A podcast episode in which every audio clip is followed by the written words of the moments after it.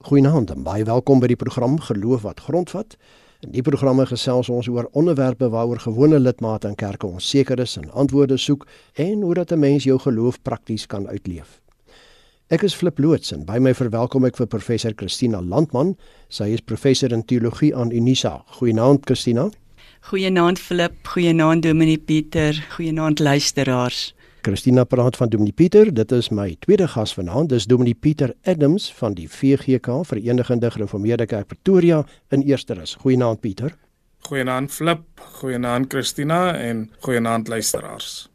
Jy is luisteraars ook baie welkom om vanaand aan ons gesprek deel te neem. Gebruik ons SMS nommer 45889. Onthou net elke SMS kos R1.50.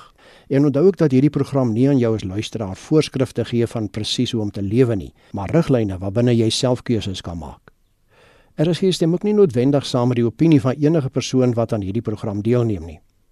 Nou hulle is veronderstel om saam te staan, saam te werk en saam te glo. Ek praat van kerke, veral Christelike kerke.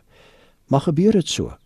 of is daar min sigbaar van die sogenaamde eenheid tussen lidmate in 'n gemeente en kerke onder mekaar vanweë onverkwikkelike konflikte. Hoe kan so iets hanteer word? 'n Geloof wat grondvat, gesels ons vanaand hieroor. Christina gaan by jou begin.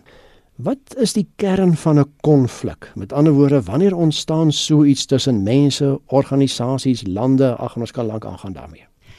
Wel konflik is wanneer mense so verskillend oor 'n saak voel dat hulle nie meer kan saamwerk nie of hulle self in dieselfde ruimte kan bevind nie.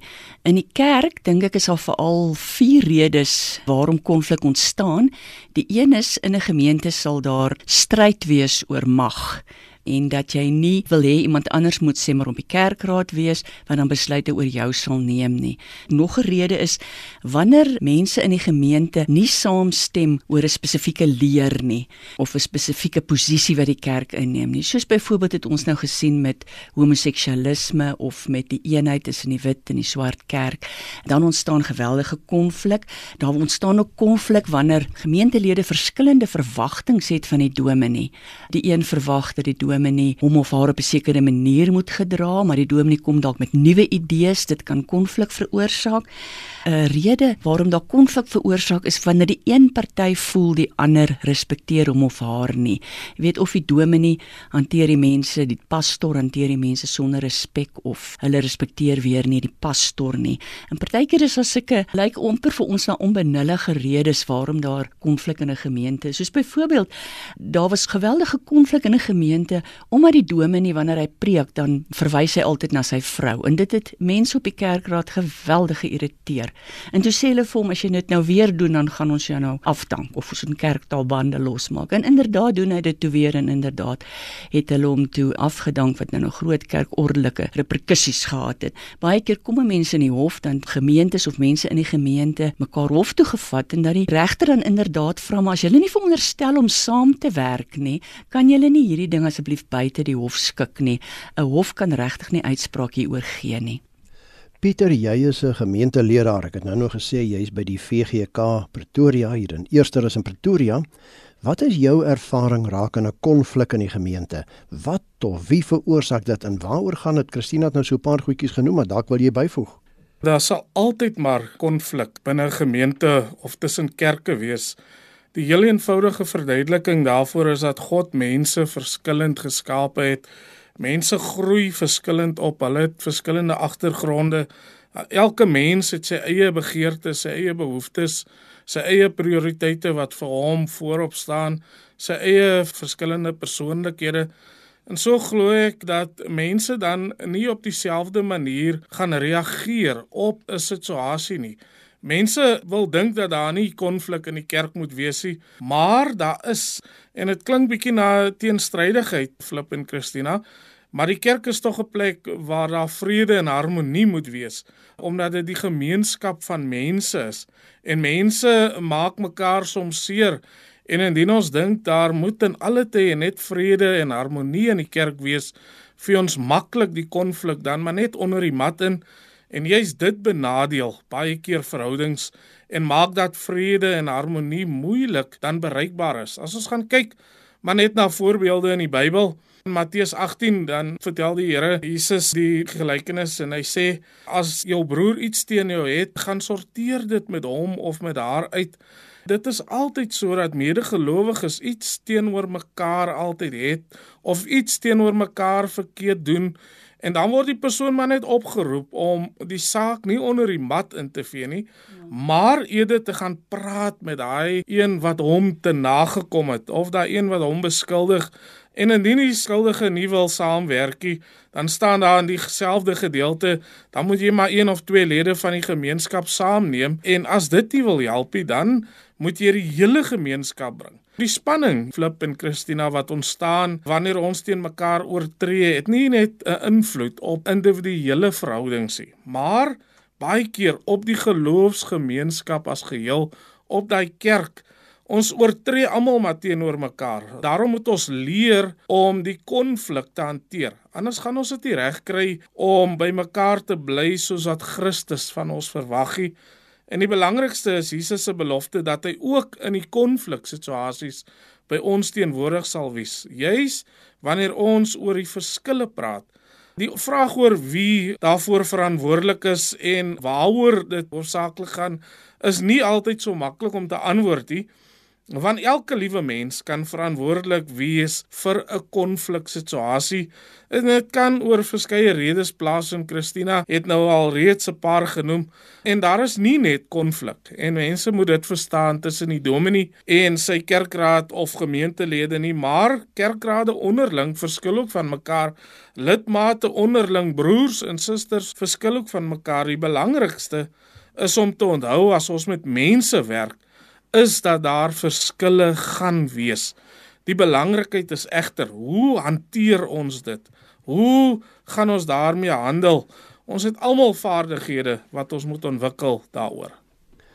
Christina, ek het nou gehoor wat sê Pieter dat daar eintlik nie 'n gemeente is waar daar nie konflik is nie, maar ek wil die vraag nou omkeer van die ander kant af. Hoe moontlik dink jy is dat daar tog geen konflik tussen mense in 'n Christelike gemeente sal wees nie?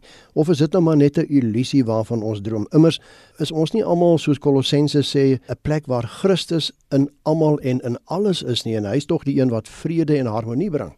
Flip in werklikheid gebeur dit gewoon dat partykeer 'n klein dingetjie groot konflik kan veroorsaak wat jy nie verwag het nie daar word skielik iets gesê wat iemand geweldig seermaak en waar baie aanstoot neem. En dan is daar konflik soos byvoorbeeld daar's 'n bazaar en nou is die wors op. En die een sê vir die ander een dit is jou wyk wat daai wors moes gemaak het. Hier staan die mense nou en hulle wag vir die wors. Jy het nie julle werk gedoen nie. En nou is daar konflik en dan sê die ander persoon as jy my so sonder respek behandel en so met my praat dan gaan ek ook nou nie meer na hierdie kerk toe kom nie. Of iemand sal sê die dominee het nou gepraat van die kerk Amenak maar hy moet eintlik praat van die jaarprogram. En nou gaan lê hy 'n klag by die ring omdat die dominee nie die gewoontes van die gemeente eer nie. Hoe hanteer jy dit? Laat jy maar wag dat dit gaan lê? Wat ek gewoonlik doen is in sulke gevalle sal ek nie regtig die mense konfronteer en sê kom sit nou hier en praat dit uit nie, want dan word hulle net al hoe kwaader vir mekaar. Ek sal eerder die persoon wat verontreg voel besonder tuis in die kerk laat voel en met hulle albei onafhanklik van mekaar praat. Anders voel hulle iemand het by die dominee oor hulle kom skinder. Pieter, wil jy reageer want dit is hoe Christina dit aan die gemeente sou doen. Hoe sou jy as predikant konflik in jou gemeente hanteer? Flip, ek dink 'n mens moet eintlik eers verstaan jou eie styl hoe jy konflik probeer hanteer en daarmee omgaan. En as ek my eie styl verstaan, dan sal ek ander mense kan help. En wat ek gewoonlik doen is Ek het so 'n paar vaardighede myself probeer aanleer. Een van die eerste goed is om al die vooroordeele wat ek het te suspendeer. Om net eers wat ek oor 'n situasie voel op die agtergrond te skuif en nie na gesprek toe te kom met al klaar oplossings nie. Dan gaan die mense voel maar Dominee het nie na my geluister nie. Ons kan nie almal dieselfde hanteer nie. Daar is baie mense wat anders met konflik omgaan. Ek het nou die afgelope tyd begin om die alfa voorhuwelikse kursus met van my paartjies deur te gaan en daar's so 'n mooi verhaaltjie oor hoe diere dan nou met konflik hanteer. En die een is 'n renoster. En hulle weet renosters as hulle sien daar's 'n situasie dan storm hulle. En baie keer kan ons so optree. Die ander is nou weer 'n vlakvark wat eers in homself intrek en dan op 'n stadium bars alles los. Nou albei maniere van konflik hanteer kan maar plofbaar wees. Ek probeer altyd as ek na konflik kyk in die gemeente om blaamloos te luister na alle partye. Een van die metodes wat ek graag gebruik is die ego metode om gewoonlik vir mense te vra, veral as ek tussen twee mense moet die konflik hanteer, maar hoor ek jou reg? Verstaan ek jou reg? En vra altyd vir hulle om dan te beamoen of ek hulle reg verstaan waaroor die konflik eintlik gaan. Wat ek nie graag doen nie is om te vinnig te wees om advies te gee. Baie keer in konfliksituasies, veral tussen mense, veral in gemeentes is ons hastig om baie keer advies te gee. Ek glo ook altyd die oplossing lê tussen die twee partye betrokke in die konfliksituasie. En die oplossing lê nie altyd daar buite nie. Die ander ding wat ook vir my is om ook dan 'n derde party altyd saam te vat om te vra, maar is dit reg as dit nie net ek is wat kom luister na die situasie nie, maar iemand anders wat ook dalk net 'n bietjie van 'n ander perspektief, want ek kan dalk net ook nie goed genoeg luister nie, sodat daai persoon dan ook dan nou weer vir my net kan terugbring in die gesprek. En daar's verskeie maniere hoe ons met konflik kan omgaan. Een van die maniere is ons kan probeer ooreed of dalk andersins kan ons 'n baie meer forcerende houding inneem. Andersins kan ons weer bietjie onderhandel en dat dit 'n situasie is van gee en neem. Ander tye kan ons maar weer iets anders voorstel soos dat mense doodgewoon maar moet saamwerk of meer ondersteunend. Ek probeer ook as ek konflik probeer oplos, weg te beweeg van 'n magsbasis en eerder na 'n belangebasis en mense se belange probeer beskerm. Die ander groot ding wat ek probeer is om te kyk na wat die oorsaak van die konflik is. Baie keer gaan dit oor iets anders, maar dan word die oorsaak van die konflik nie aangespreek nie. Mense luister nie na mekaar nie As hulle nie na mekaar goed luister nie, kan hulle nie by moontlike oplossings kom nie. Dit is RSG met die program Geloof wat grondvat en ons gesels vanaand oor hoe hanteer ons konflik in 'n gemeente of in 'n kerk. My gaste is professor Christina Landman en Dominee Pieter Adams. Christina, hoe moontlik is dit om alle konflik in 'n gemeente op te los? Ek sal sê ons moet almal treetjies gee om dit te doen. En twee belangrike rigtingwysers vir my is wat hy ook genoem het is om nie kant te kies nie en nie quick fixes voor te stel nie. Jy weet nie net gou-gou in te spring met blik jy nou net reg en dan kan ons nou maar saamloop en los jou nonsens nie. Dit het 'n geweldige invloed op 'n dominee se eie geestesgesondheid dat hy of sy nou so by die konflik van die gemeente betrek word en dat daar van hom of haar verwag word om dit op te los.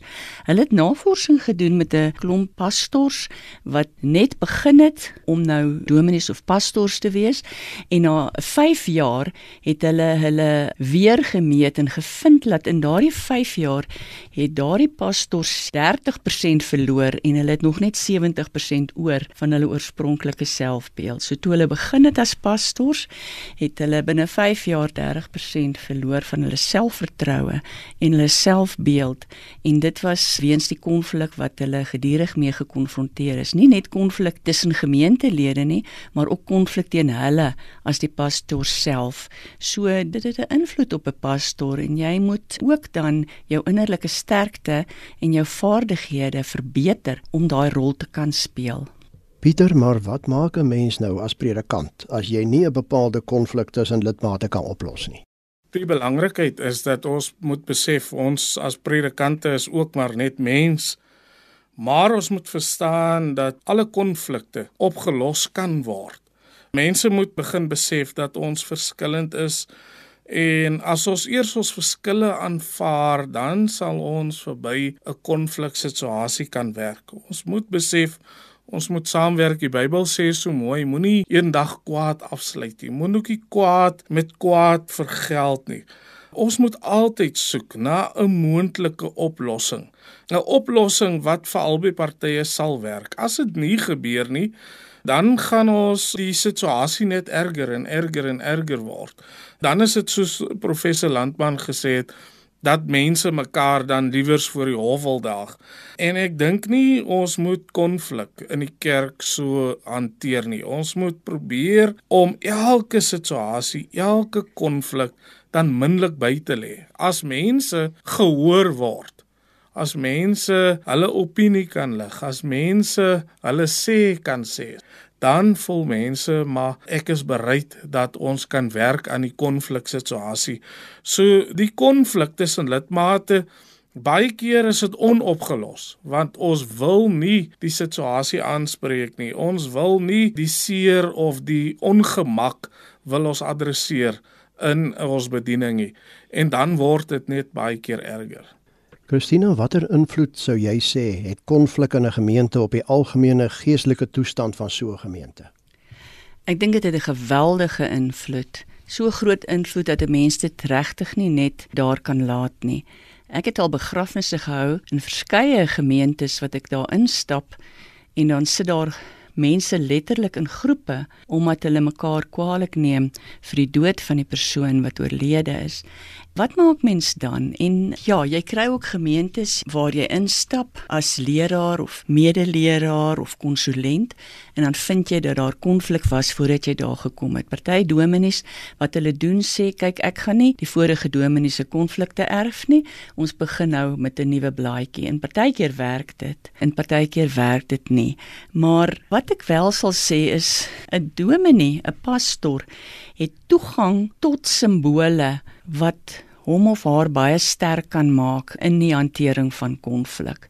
Ek praat nou nie van 'n quick fix nie, maar om byvoorbeeld om oor 'n lang tyd te preek van God se liefde en ander waardes wat ons as Christene het wat ons mekaar deel in die gemeente aanhoudend te herinner aan hierdie waardes soos liefde en verdraagsaamheid en samewerking en ook dan verhale uit die Bybel te vertel waar dit suksesvol was.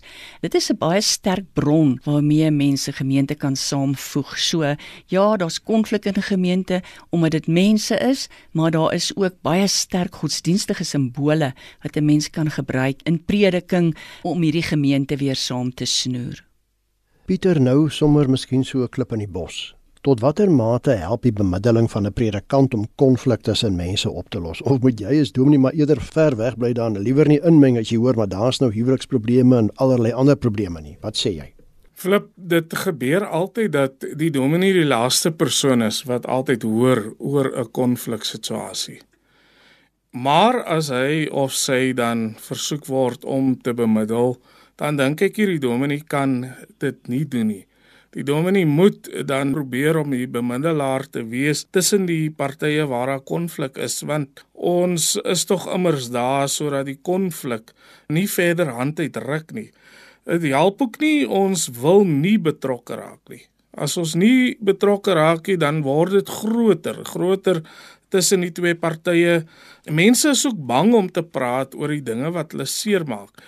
En ons kan vir hulle baie keer gerusstel as predikante. Ons kan vir hulle baie keer laat verstaan, maar om oor die konflik te praat kan baie keer help in die oplossing om die soek na oplossings daarvoor. Flip, ek dink dis 'n ongelooflike belangrike vraag wat jy hier vra. Vir die dominee om te besluit of vir die pastoor om te besluit, gaan ek inmeng in huishoudelike geweld. Ons het tot nou toe net gepraat oor konflik in die gemeente self, oor gemeentelike sake. Maar wat nou as daar huishoudelike geweld byvoorbeeld is?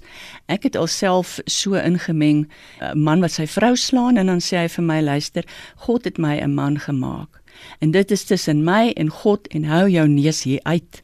So ja, dis 'n baie moeilike besluit of jy die konflik erger maak want dit gaan ook oor om nou maar weer die Engels te gebruik honor en shame. Partykeer roep iemand jou en sê: "Dominee, my man is besig om die huis se vensters uit te slaan. Hy's verskriklik kwaad. Hy het ook gedrink of so. Kom help asseblief."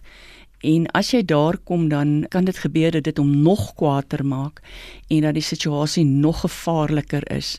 En dan het 'n mens eintlik 'n baie groot ondersteuningssisteem nodig waar jy sê maar die vrou en die kinders kan verwyder of waar jy spesiale vaardighede in berading nodig het om hierdie situasie te ontlont. Of iemand roep jou en sê Dominee, my kind sit hier met 'n revolver teen haar kop, sy gaan haarself nou doodskiet. Of sy sit op die dak van die huis, sy gaan nou spring. Ek het alself op baie dakke geklim veral toe ek jonger was om saam met iemand wat daar wil afspring te sit en dan te praat. En dis nie 'n maklike situasie nie want doen jy dit verkeerd dan kan jy daai situasie vererger.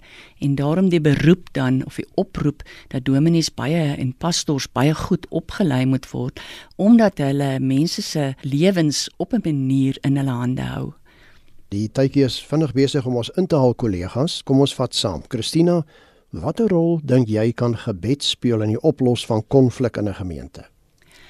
Ons het 'n professor gehad in praktiese teologie wat altyd gesê het 'n mens moet nooit gebed gebruik om mense of God mee te probeer manipuleer nie. En jy ken mos maar natuurlik die ou grappie van uh, in oorlogstyd dat 'n verkenner gehoor het die ander party bid ook vir die Here en toe gesê die Here bly tog maar net liewers hier uit. So, weet jy, as 'n mens gebed gebruik in konflik, dink ek sal daai gebed moet wees om te troos, om die bronne waaruit mense kan put om te verenig, om dit te versterk en werklik 'n teenwoordigheid van God in te nooi om die konflik in 'n gelyke mate vir alle partye gelyk te maak. Met ander woorde, uh, nou nie 'n gebed wat sê Here, laat so en so asseblief nou sy nonsens laat staan dat ons daarom nou kan voortgaan nie. So ek dink uh, ja, gebed kan 'n belangrike rol speel in konflikhantering, maar dan moet jy dit op 'n eerlike en 'n vertroostende manier gebruik. Pieter, nou kom ons sluit af met so 'n bietjie praktiese raad. Watter raad het jy vir mense in die kerk of in hulle persoonlike verhoudings wat verskil oor sake en op die punt staan om in konflik teenoor mekaar te kom? Flip ek dink ons moet dit besef dat die konfliksituasies, daar gaan altyd konfliksituasies wees. Of dit nou in die kerk is, of dit nou in die gemeenskapslewe is, of dit nou in huwelike is, daar gaan konfliksituasies wees. Ons moet net leer hoe om daarmee te handel. Ons moet leer en ons moet erken dat ons as mense verskillend is. En omdat ons verskillend is, gaan ons verskillend dit wil benader. Ons moet ook vergeet daarvan om die konfliksituasie maar onder die mat in te vee. Konflik is so oud soos die Ou Testament waar Kain en Abel met mekaar in konflik was. Konflik vra dat ons die situasie wat daar is moet hanteer. Ons moet vergeet wie die persone is wat voor ons is as ons met konfliksituasies besig is dit gaan nie oor die persoon nie, maar dit gaan oor die situasie wat homself afspeel. En ons moet as mense besef, as ek en my medebroer dit nie kan oplos nie, kom ons kry iemand om ons te help sodat ons die konfliksituasie tussen ons kan oplos. Ek dink ook soos ek vroeër al gesê het, geen situasie is te groot dat ons dit nie kan oplos nie. Wat ek nog wil sê is wat 'n raad ons se mekaar het in die kerk. Ons moet in die kerk besef, ons werk met mense. En mense gaan altyd in konflik met mekaar wees. Dit dan al in vanaand se geloof wat grondvat. Baie dankie dat jy as luisteraar saamgekuier het en 'n groot dankie aan my gaste professor Christina Landman en Dominee Pieter Adams vir hulle bydraes. Nou Christina, Pieter, indien van ons luisteraars verder met julle wil kommunikeer, hoe kan hulle dit doen? Kom ons begin by jou Christina.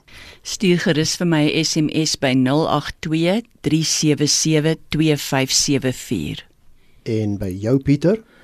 Ek sal verkies as mense my ook maar 'n SMS kan stuur. My nommer is 060 741 5724 of hulle kan 'n e-pos stuur na dominiepeter@vgkpretoria.com mediafocus.co.za. En my kontakinligting flip by mediafocus.co.za. Ons groet tot 'n volgende keer. Totsiens.